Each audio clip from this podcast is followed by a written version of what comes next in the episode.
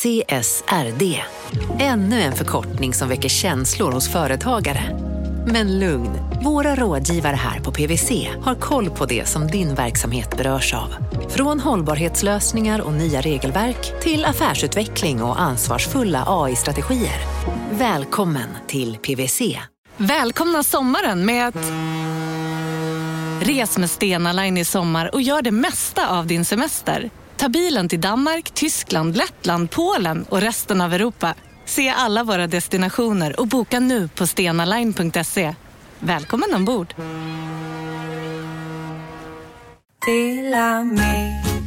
Hej! Är du en av dem som tycker om att dela saker med andra? Då kommer dina öron att gilla det här.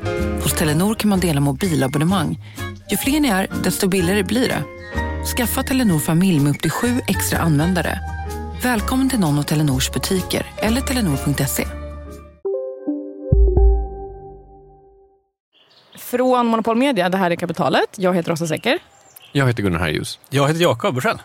Ny vecka, ny eh, sommarintervju. Mm. Eh, jag blev väldigt glad när den här personen gick med på att bli intervjuad. För att jag känner, jag vet inte om det här gäller er också, men jag som liksom inte har ekonomijournalistbakgrund, jag tycker att det är väldigt roligt när man får så här, nu backar vi tre steg. Mm. Och så ställer vi liksom den stora frågan. Vad är det vi håller på med? Liksom, hur ser systemet ut? Varför då? Vad bygger det på för premisser? Funkar de? Ja, frågor som ställs alldeles för sällan om vi ska vara ärliga. Verkligen. Och Katrin Marsall, som jag har intervjuat den här veckan, hon eh, ställer en sån jättebra fråga i sin bok Vem lagade Adam Smiths middag? Och, och, och vad, är, det, är det det som är den stora frågan? Jo, men lagar den Smiths middag? Alltså sorry, det låter inte som typ, vad är systemet? Eller, Jo, men det är det det är. Ja. Så här, den här boken kom ut för första gången 2012 och då hette den Det enda könet. Nu är det en nyutgåva. Den är fortfarande lika aktuell. För att frågan som hon ställer är ju liksom eh, en, vad säger man, pandang, parafras på frågan som Adam Smith ställer sig, nämligen hur får jag middagen på mitt bord? Adam Smith, nationalekonomins fader. mm, Hans svar på den frågan är ju egenintresset. Slaktaren har inte slaktat det här djuret och sålt det här köttet för att han gillar mig, utan av egenintresse. mm. Katarina Marsall har ett annat svar på det där, eh, nämligen eh, Adam Smiths mamma. Eh, som han levde hela sitt liv med, Ja. är ju den personen som faktiskt eh, tillagar det här köttet och ställer fram det på bordet så att Adam Smith kan äta det. Eh, och det här blir liksom en ingång till att prata om ekonomin ur ett helt annat perspektiv. Vad bygger alla våra ekonomiska idéer på för premisser? Superintressant. Om man nu inte har liksom läst i den här boken, hängt med i svängen de senaste, ändå ganska många år nu. V- Vem är liksom Katrin Marsall? Hon är en eh, journalist och författare boende i England utanför eh, London. Eh, frekvent DN-skribent, medarbetare och en person som får göra otroliga intervjuer och gör det väldigt bra. Och nu har jag fått intervjua henne. Otroligt roligt. Den intervjun kommer efter det här.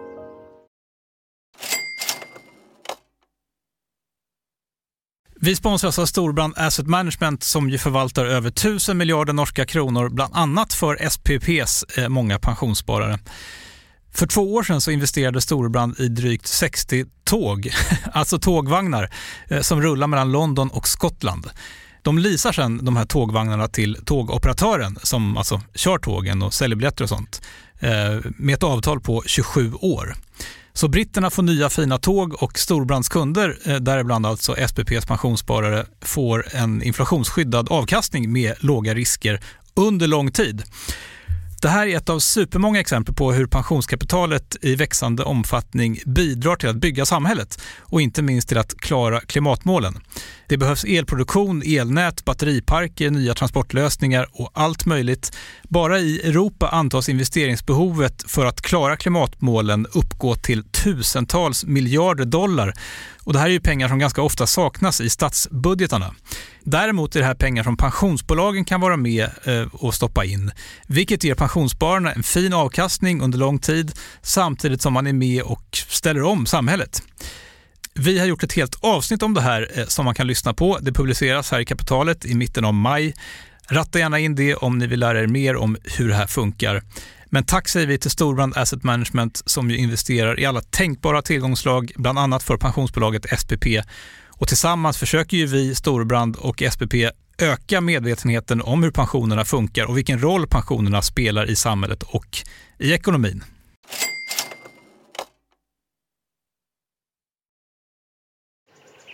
Vi måste nästan börja med mannen i, i titeln. Vem var Adam Smith skulle du säga? Adam Smith räknas ju som nationalekonomins fader. Han var ju en skotsk filosof på 1700-talet som skrev, ja, han skrev ju mycket men framförallt två väldigt viktiga böcker, Nationernas välstånd och eh, vad heter den på svenska? Theory of Moral Sentiments, en teori om jag kan faktiskt inte översättningen. Men de, eh, två väldigt, väldigt viktiga böcker och eh, framförallt Nationernas välstånd anses vara boken som på många sätt grundade den moderna nationalekonomin. På den tiden så uppfattades ju ekonomi vara en eh, så att säga, under diskussion till filosofi. Så att säga. Mm. Din bok heter ju nu Vem lagade Adam Smiths middag? Vad är svaret på den frågan? Vem var det som lagade hans middag? ja, det finns ett väldigt känt passage, en väldigt känd passage i Nationernas välstånd eh, som på många sätt grundade nationalekonomin som vetenskap, eh, skulle många säga. Och det är en, en, grundläggande fråga som Adam Smith ställer om ekonomin i den här boken som lyder Hur får du din middag? Och han säger att hur får du din middag, det är liksom ekonomins grundläggande fråga.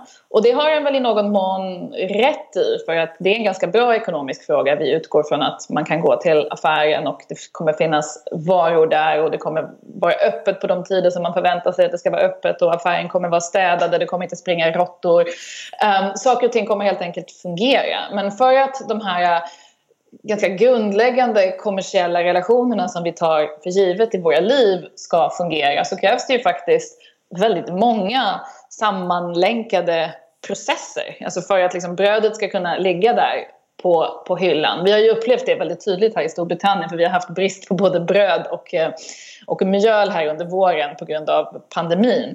Um, och då har man blivit medveten om just det här som Adam Smith pratade om att för att det faktiskt ska finnas varor på hyllan så krävs det att väldigt mycket sker och att det sker på ett koordinerat sätt. Och han var fascinerad över det här. Vad var det som fick vad var det som får det här att funka? Vad är det som håller ihop ekonomin? Och han var också ganska inspirerad av Isaac Newton som ett par år tidigare då hade skrivit sitt stora verk där han då förklarar hur gravitationen som någon slags grundläggande kraft i universum håller himlakropparna i sina banor. Adam Smith var i någon mån intresserad av att göra samma sak fast för ekonomin. Alltså kunna hitta liksom, vad är den grundläggande kraften, ungefär som gravitationen i Newtons fysik som får ekonomin att fungera. Och därför ställer han då den här frågan, hur får du din middag? Och svaret på den är väldigt berömt. Det är väldigt berömt, man brukar få lära sig det på nationalekonomen. Och hans svar går ungefär något i stil med att det är inte, eh, slaktaren, bagaren, slaktaren och bagaren de producerar inte sina varor för att, av kärlek eller för att vara snälla utan de gör det för att tjäna sitt egenintresse. Uh, it's not from the benevolence of the butcher, the brewer or the, or the baker that you expect your dinner. It's from them serving their own self-interest, ungefär. Mm. Um, och det här är ett väldigt känt citat. Och och slutsatsen blir någonstans då, eller som det tolkas, att det är egenintresset som är svaret på frågan hur får du din middag? Egenintresset ställer middagen på bordet åt oss. Och det här har man gjort en ganska stor sak av inom nationalekonomin. Att um, nationalekonomi har till och med kallats för egenintressets vetenskap och att liksom när man, när man pratar om att, liksom, att tänka som en ekonom så har det liksom länge betytt att gå in och titta på en situation och fundera kring liksom, hur eh, kan jag analysera den här situationen utifrån att personerna här styrs av egenintresse. Och även i populärkulturen, alltså Wall Street, den här filmen med Michael Douglas från 1980-talet som någonstans definierade finanskapitalismens första era. The point is, ladies and gentlemen, that greed, for lack of a better word, is good. Där är det det här kända talet som man håller, greed is good because greed works. Greed is right. Greed works. Och det skulle Adam Smith säkert kräkas på. Men det intressanta någonstans är liksom kanske inte vad Adam Smith sa och menade utan också hur det har tolkats. Mm.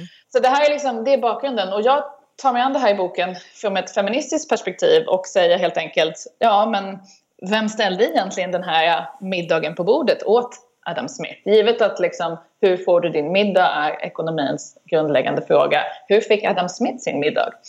Och där nationalekonomins fader, han levde större delen av sitt liv med sin mamma som tog hand om hushållet åt honom. Hon hette Margaret Douglas, hon är inte känd överhuvudtaget.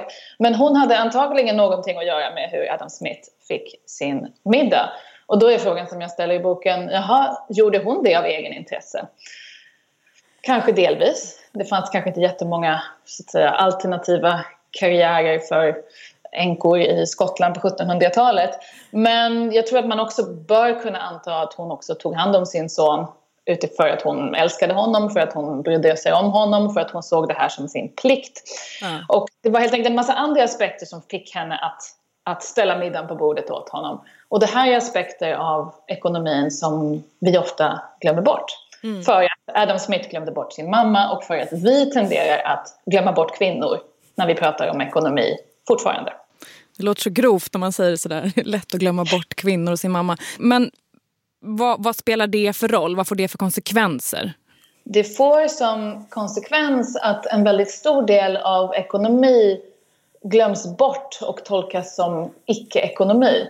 Uh, alltså det är ju det är inte bara det vi gör på marknaden för pengar som får ekonomin att gå ihop utan det finns en jättestor sektor och en stor del av våra liv som handlar, vi arbetar så att säga inte för pengar och i hemmet, alltså, eller runt hemmet, ta hand om barn, eh, ställa middagen på bordet, hushållsarbete, allt, alla den typen av saker som kanske i en svensk ekonomi är en, en, mindre del av ekonomin men om du tittar på till exempel en, många utvecklingsekonomier så kan den här liksom, informella sektorn vara jättestor, 10% eller någonting. Och den, har, den är osynlig och den är fortfarande osynlig till exempel när vi mäter tillväxt i, enligt BNP-måttet. Det existerar inte. Då är till exempel, det, här är det väldigt, väldigt kända exemplet från feministisk ekonomi om liksom en, ja men ta då en 12-årig flicka i någon form av utvecklingsland som liksom varje morgon går 11 kilometer för att hämta vatten um, och eh, ved och sen går tillbaka till byn och sen arbetar hela dagen med olika saker där. Det hon gör räknas inte som ekonomisk aktivitet. Um, är det rimligt? Alltså för det första är det inte särskilt rättvist. Men även om man lägger det åt sidan så är, är det rimligt liksom, att, att det hon gör inte, räknas, inte antas bidra till den ekonomiska utvecklingen i det här landet eftersom vi tenderar att tänka på ekonomisk utveckling och BNP som, som samma sak. Mm. Och det gör också att liksom det blir svårt att mäta ganska, ganska många saker och få sig en, liksom en, en tydlig bild av vad som egentligen sker i ekonomin. Alltså till exempel pratar man om de decennier när väldigt många fler kvinnor gick ut på den formella arbetsmarknaden i västvärlden som att liksom, ja, det ledde till att tillväxten ökade så här mycket. Mm. Men egentligen, det var inte så att liksom kvinnan, kvinnan låg hemma och inte gjorde någonting. Och sen när hon fick ett jobb så började hon göra någonting i ekonomin. Utan hon gjorde ju någonting som var ekonomiskt även innan hon började då arbeta formellt ute på arbetsmarknaden. Och det är helt osynligt och vi kan inte räkna på det och därför får vi liksom ingen riktig bild av vad som egentligen hände och vad som eventuellt gick förlorat i det skiftet eller vanns. Och, ja, vi missar helt enkelt väldigt mycket. Det är ju mm. trots allt så att liksom, det här är en stor, en, en, stor, en stor del av ekonomin. Så det är den ena biten som vi förlorar. Och det andra som vi förlorar är ju i den människosyn som någonstans blir en, blev en konsekvens av hur man valde att tolka Adam Smith.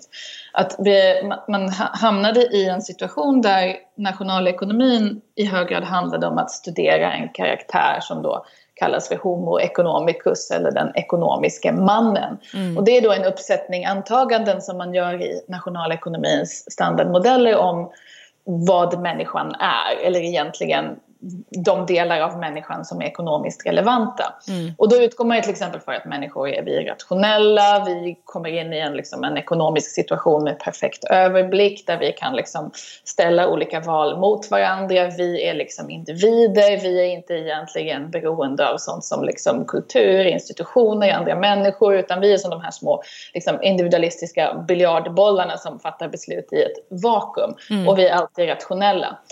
Och det här är en bild av mänskligheten som inte stämmer. Mm.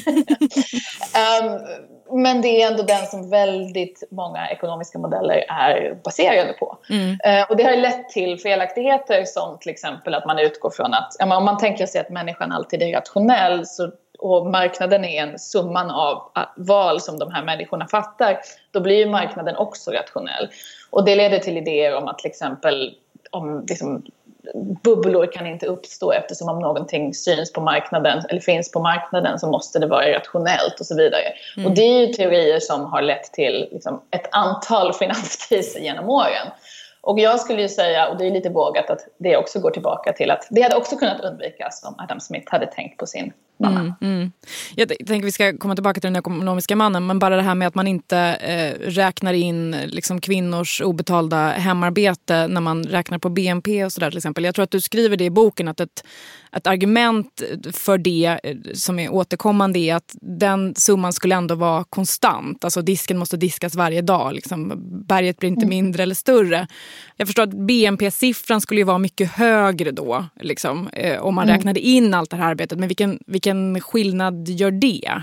Ja, fast vi vet ju inte det. det, är det man, har, man har antagit att det där är liksom en konstant faktor. Men det, finns ing, det, alltså, men det kan man inte veta om man inte har tittat på det över tid. Alltså, mm. det är ju, och, och, det är självklart så kan man vi antar ju liksom till exempel produktivitetsutveckling i en massa andra sektorer på grund av liksom teknikutvecklingen. Alltså det har ju varit en väldig teknikutveckling i våra hem. Liksom allt från diskmaskiner till att liksom Eh, väldigt många familjer, i alla fall här i Storbritannien, har liksom egna Slack-kanaler inom hushållet där de liksom organiserar barnen och sig själva. Jag vet inte om det är populärt i Sverige.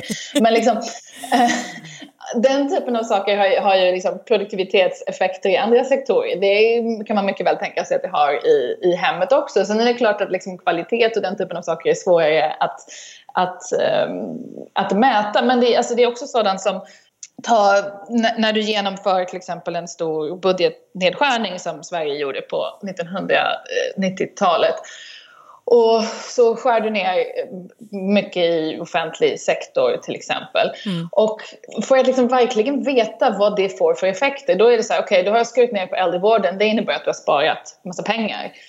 Fast vet du egentligen inte det? Hur mycket av det är en kostnad som egentligen dyker upp någon annanstans? Alltså när man skär ner på till exempel äldrevården så finns det liksom en stor del av det omsorgsbehovet måste ju någon annan ändå sköta och det tenderar att bli kvinnor som då gör det på andra sätt, liksom fyller där Mm. Eh, fyller upp där liksom offentlig sektor inte längre kan, kan gå in. Och det är också en kostnad. Bara för att den hamnar på kvinnors kroppar och kvinnors liv och därmed blir osynlig så betyder inte det att det inte är en kostnad för samhället. Mm. Och, och om du sen 10 år senare får liksom en stor ökning av kvinnliga sjukskrivningar är det då den kostnaden som dyker upp liksom igen i den liksom officiella ekonomiska statistiken mm. eller är det det inte? Alltså min poäng är bara liksom att för att liksom kunna räkna på till exempel de liksom verkliga samhällsekonomiska effekterna av sådant som en budgetnedskärning så måste du ha det här perspektivet med dig för att det här är en viktig del av ekonomin. Mm. Eller likadant nu under pandemikrisen här i, i Storbritannien så har man ju haft en enorm tillströmning av volontärer in i, in i sjukvården. Det är en, över en halv miljon människor som Oj. hjälper till i sjukvården på olika sätt. Och det de gör är också helt osynligt. Ja, det är det rimligt liksom? Eller uh. ger det liksom en korrekt bild? Och när man då försöker räkna, liksom, blir vi rikare eller blir vi fattiga nu? Var blir vi rikare och var blir vi fattiga? Om du inte ser det här ja, det ger dig en ganska dålig bild av ekonomin. Ja. Och, det, och det här går tillbaka till då den här modellen som bygger på den ekonomiska mannen som är en, en, en modell där det här inte passar in, eller? Nej, det passar ju in. Alltså, om man verkligen tror på extremvarianten av den här modellen och det är det väl kanske inte sådär jättemånga som gör, även om de tenderar att komma på mina föreläsningar. um, så, um, vilket alltid är roligt. Mm. Men um, han gör ju ingenting. Jag kallar honom för en han, lite provokativt. Mm. Han gör ju ingenting bara för att uh, vara snäll eller för att det ger honom tillfredsställelse utan allting mm. är liksom en transaktion på något mm. sätt. Liksom. There ain't no such thing as a free lunch och så vidare. Um, och det kanske det inte gör men vi måste ju liksom ha statistik så att vi kan i så fall titta på det. Hur uppstod den modellen? Alltså var kommer det här begreppet ekonomiska mannen ifrån? Alltså? Alltså det, det utvecklas så att säga från... Alltså Adam Smith skulle nog, tror jag, vänt sig väldigt mycket eh, mot vad, så att säga, hur han tolkas. Och han hade ju liksom en mycket mer egentligen, alltså om man läser andra delar av hans eh, verk så är det ju, han har en mycket mer komplex syn på, på människan än vad liksom, han lärs ut som på liksom, nationalekonomin eller till och med liksom grundkurser i gymnasieskolan om nationalekonomi. Då får man ju alltid höra att liksom Adam Smith är lika med idén om den osynliga handen som då är den här teorin mm. om att liksom rationella människor som tillåts agera fritt på en marknad, det kommer då växlas upp liksom, till vad som är bäst för oss alla. Liksom. Människans egen intresse. Bara jag är ute och gör vad som är bäst för mig och du är ute och gör vad som är bäst för dig. Då kommer det leda till vad som är bäst för hela ekonomin också. Mm. Eh, som genom en osynlig hand. Mm. Och det här begreppet är väldigt kopplat till Adam Smith och används ju ofta som ett argument för avregleringar till exempel. Men jag tror att han nämner det här begreppet två eller tre gånger i Hela nationernas välstånd som är en väldigt tjock bok. Mm. Uh, så det, var, det har blivit mycket mer centralt för folk som kom efter Adam Smith än det var för Adam Smith. Och där är det som liksom feministiska ekonomer pratar om i att liksom, visst, en osynlig hand. Liksom, marknaden är ju, kan ju vara jättebra för väldigt många saker. Men det finns också det som feministiska ekonomer pratar om, liksom ett osynligt hjärta i ekonomin. Liksom. Det måste också funka och dunka för att det här ska gå ihop. Liksom. Marknaden mm. bygger på en annan form av ekonomi som också måste fungera och vi bara tar den för given för att vi då tänker oss att det där arbetet runt hemmet med familjen och reproduktionen och dammet och middagen och disken, det på något sätt magiskt sätt sköter sig själv och är inte en ekonomisk process. Men men det är också en del av ekonomin. Mm. Hur kommer det sig att det är de här bitarna eh, av Adam Smiths liksom, teorier som har fått fäste och levt vidare och kanske till och med liksom, eh, tagits till en extrem som Adam Smith själv kanske inte skulle hålla med om? H hur har det blivit så?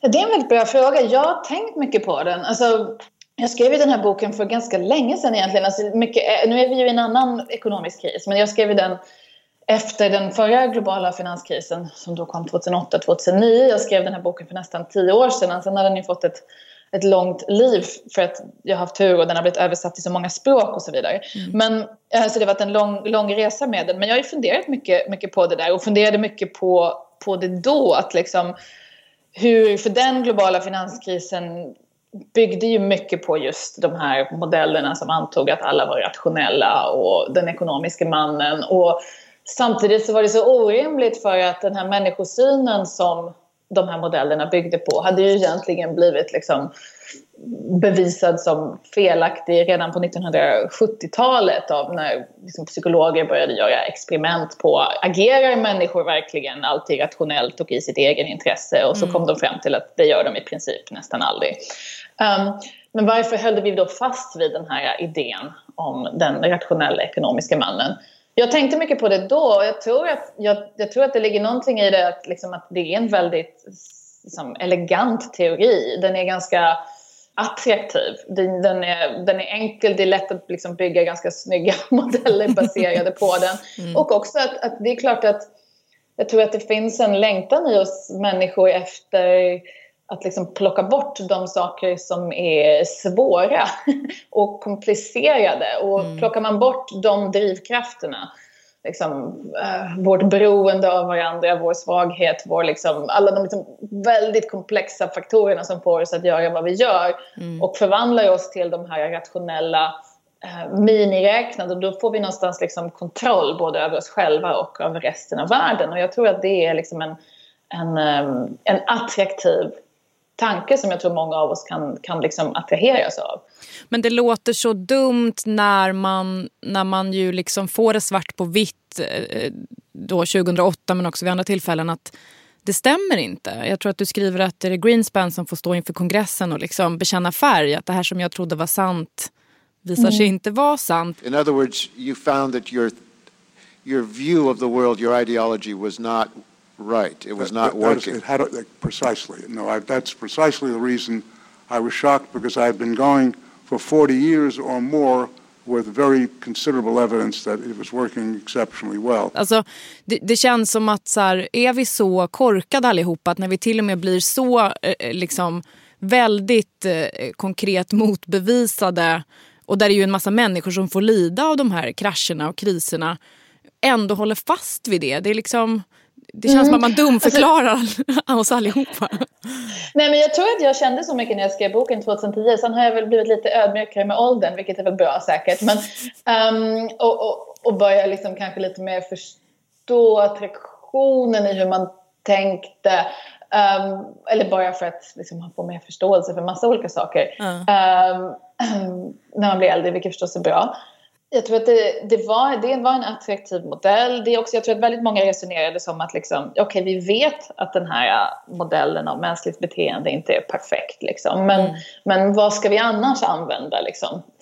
Mm. Um, vi kan liksom inte, den här liksom komplexa individen som liksom du babblar om, liksom, hur ska vi ta henne och liksom göra henne till någonting som det går att bygga den här typen av ekvationer på. Det är jättesvårt. Mm. Um, och sen så säger man liksom, okej, okay, det, det, är en ungef, det är en ungefärlig gissning och det är bättre än ingenting. Liksom. Mm. Uh, och det kan man kanske förstå, men samtidigt, det är ju en sak att liksom ta en, eh, liksom en karta och säga att det här kanske inte är en perfekt karta, men vågar du då liksom sätta dig i en helikopter som ska liksom flyga efter den här kartan, vilket i hög grad vi har gjort. Uh, vågade liksom basera ett helt finansiellt system, liksom helt eller delvis på den här typen av modeller som du vet inte stämmer. Det, det är ju liksom en, mm. mer av den relevanta frågan. Men sen har det verkligen skett, det har ändå skett en, en omvärdering inom liksom mycket nationalekonomi. Alltså man har allt från liksom beteende ekonomer som väl i och för sig har fått sin egen kris lite nu med pandemikrisen, i alla fall här i Storbritannien är de väldigt kritiserade. Men, eh, och det finns ju en massa andra perspektiv inom nationalekonomin. Alltså, det här är boken jag har skrivit är verkligen en bok för liksom, vanliga människor. Eh, mm. som försöker beskriva det här, liksom, ekonomins standardmodeller liksom, på ett förståeligt sätt eller och kritisera dem så att säga. För att jag väldigt mycket då kände att det finns liksom ett sätt att prata om ekonomi som gör att det är liksom svårtillgängligt för, för många människor. Och att om folk ofta förstod vad som, vilka antaganden som kan ligga bakom mycket av det tjusiga ekonomspråket så, så skulle de liksom, eh, bli lite skrämda.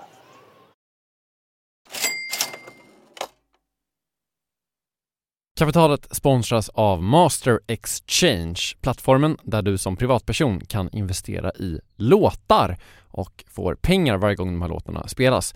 Eh, vi berättade ju senast eh, om barnlåten Puff the Magic Dragon som noterades av Master Exchange under våren.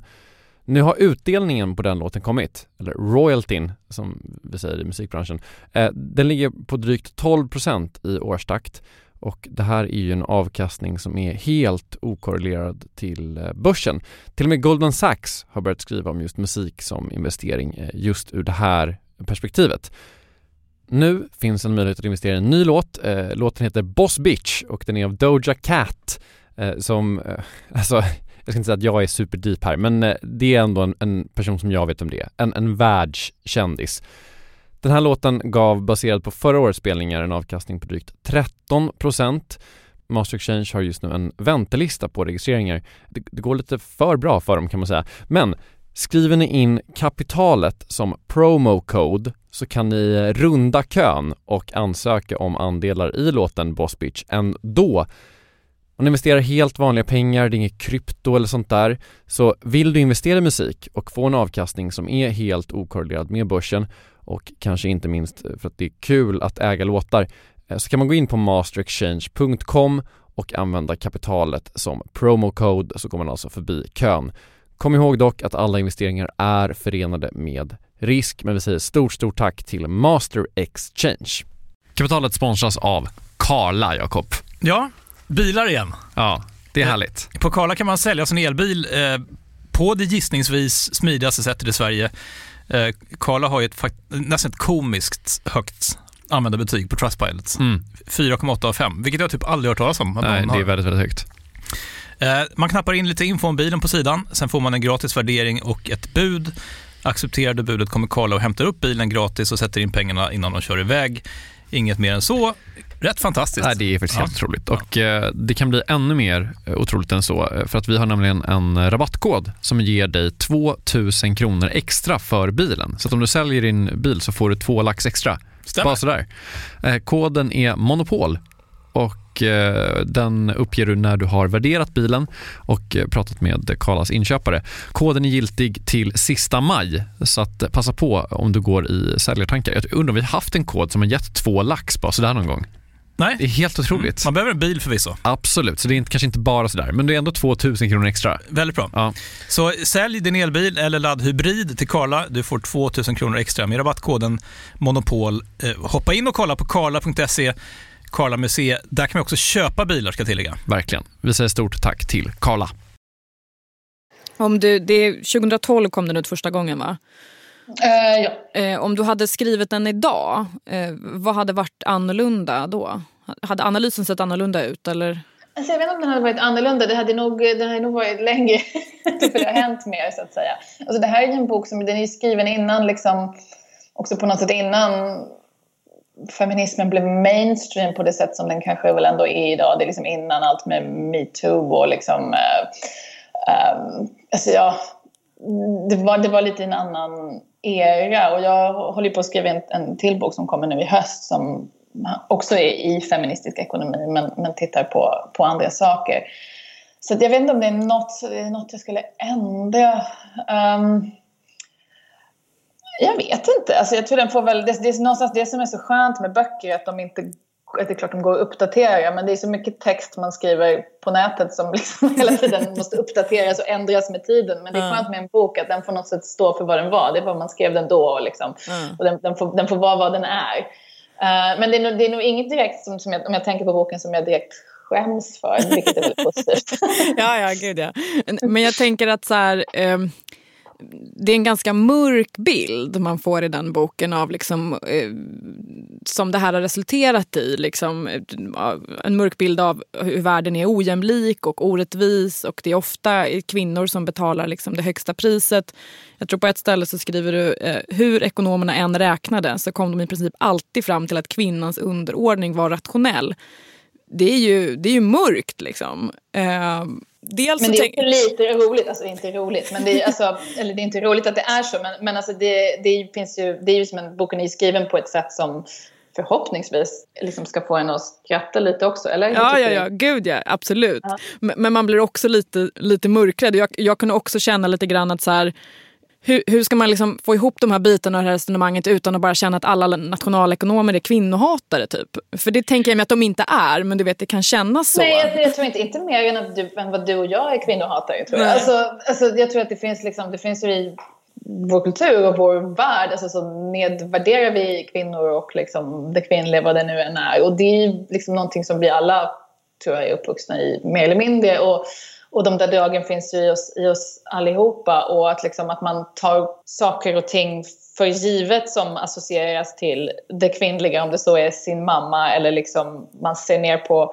tycker att liksom arbete i vården är, vad brukar man säga, vad säger man på svenska, liksom låg, de här låglönebranscherna är låg, mm. lågproduktiva och alltså det finns ett sätt att prata om det. Alltså det är ju någonting som, som vi alla är marinerade i. Mm. Så det är, just, det är som ingen liksom konspiration tror jag på det där sättet. Men, men det är klart att liksom det hade hjälpt dem delvis tror jag liksom med, om nationalekonomin blev mer, alltså, fler, fler kvinnor. Och där har det ju hänt, hänt en hel del, en hel del um, saker också.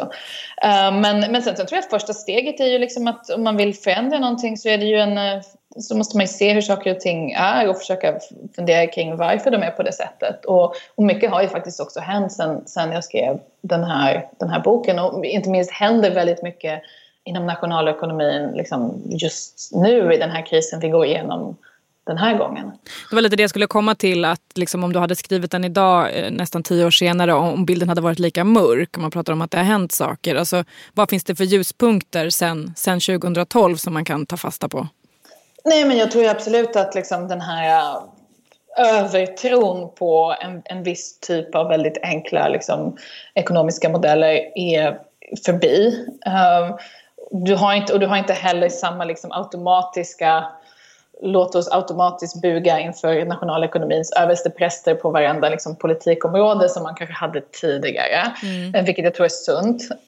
Så de bitarna, och sen så att liksom Alltså sånt som liksom beteendeekonomi, det är inte det som jag skriver om i boken men det är ändå en, liksom delvis en, i alla fall början till en kritik av, av de här modellerna. Har ju blivit väldigt liksom, populärt och till och med nästan mainstream. Och, den, de perspektiven, alltså liksom, psykologer som eh, Daniel Kahneman till exempel som mm. är väldigt, eh, som fått väldiga bestsellers liksom sen de senaste tio åren och jag tror att många har, har tagit till sig de perspektiven och det händer ju också mycket inom liksom, nationalekonomin och även hur liksom, vanligt folk och politiker förhåller sig till det. Mm. Det tror jag. Liksom. Sen tror jag den här andra biten som egentligen är väl den större pusselbiten i den här boken som handlar om det här liksom, hur vi värderar olika typer av arbeten i ekonomin utifrån kön. Mm. Um, den har ju inte förändrats så mycket. Um, men det kanske den gör efter den här krisen vi går igenom nu. Mm.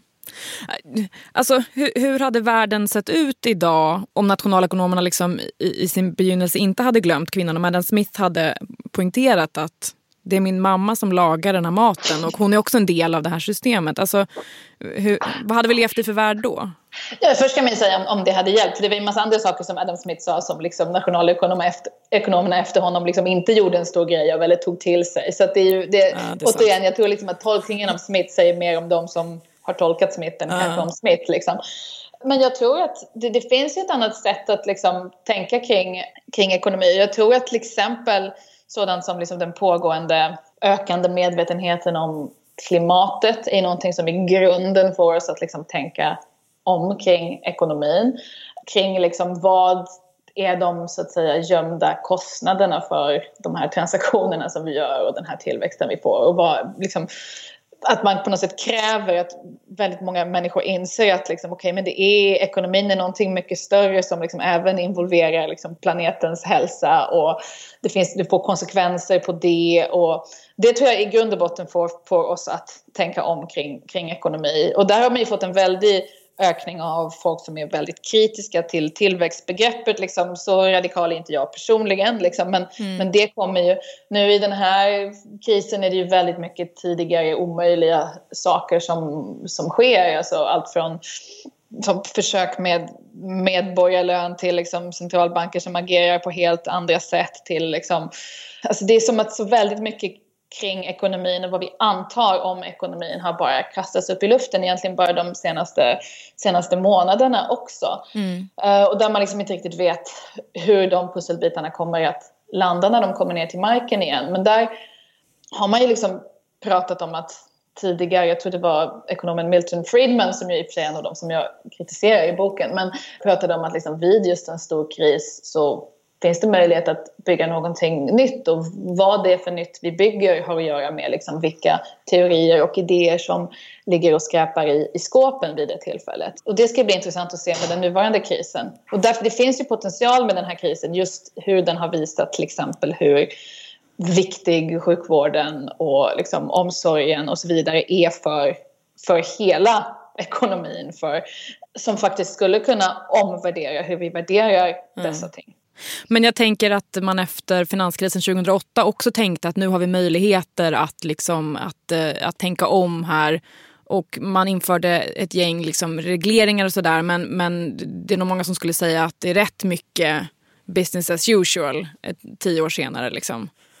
Ja, det beror på. Alltså, det, är ju, alltså, det där kan bli en lång diskussion. Liksom. Men eh, Alltså till exempel, alltså en hel del av de regleringarna i USA var ju på, på riktigt ändå, även om man kan, alltså man kan kritisera delar av paketet.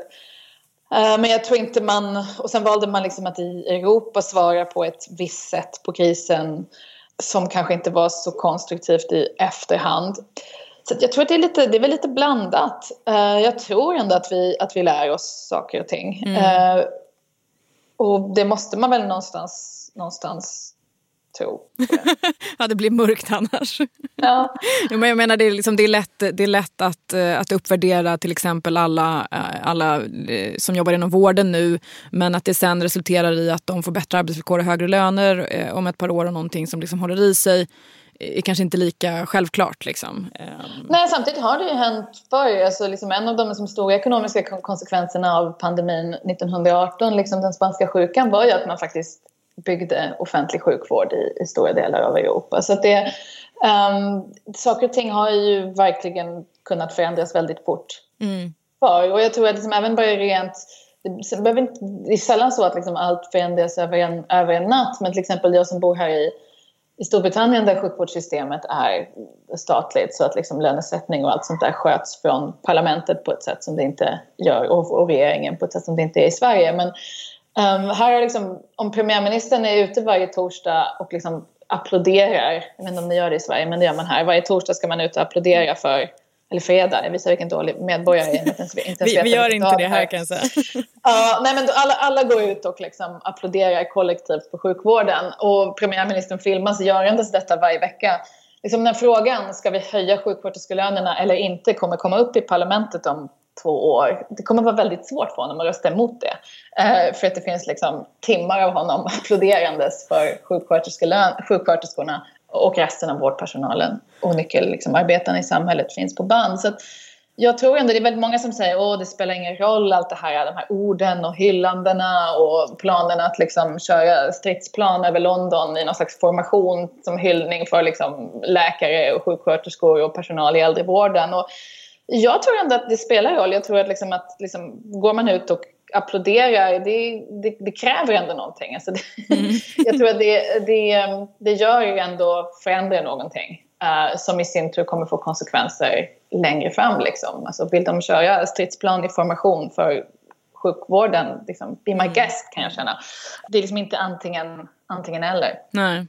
För, för, att knyta tillbaka till din bok, det, kän, det jag vill komma till är väl att det känns som att det är liksom eh, ett, ett svårrubbligt maskineri. När var det Adam Smith skrev den här boken? 1876 eller något sånt där? 1776. 1776 till och med.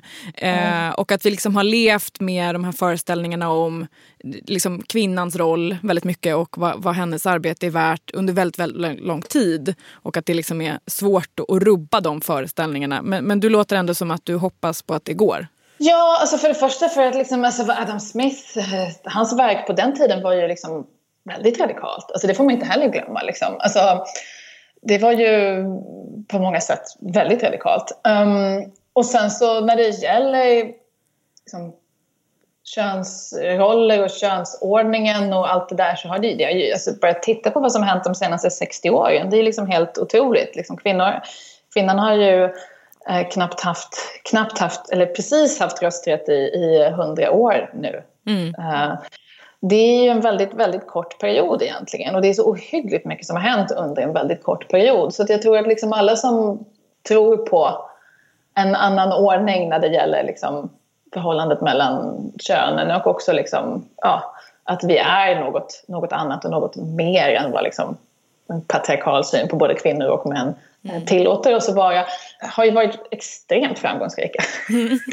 det senaste decenniet. Man måste alltid liksom det är det här lite längre perspektivet. Du vet, som I Kina så påstås de väl säga att liksom, det är för tidigt än att säga vad konsekvenserna av den franska revolutionen egentligen är. Liksom.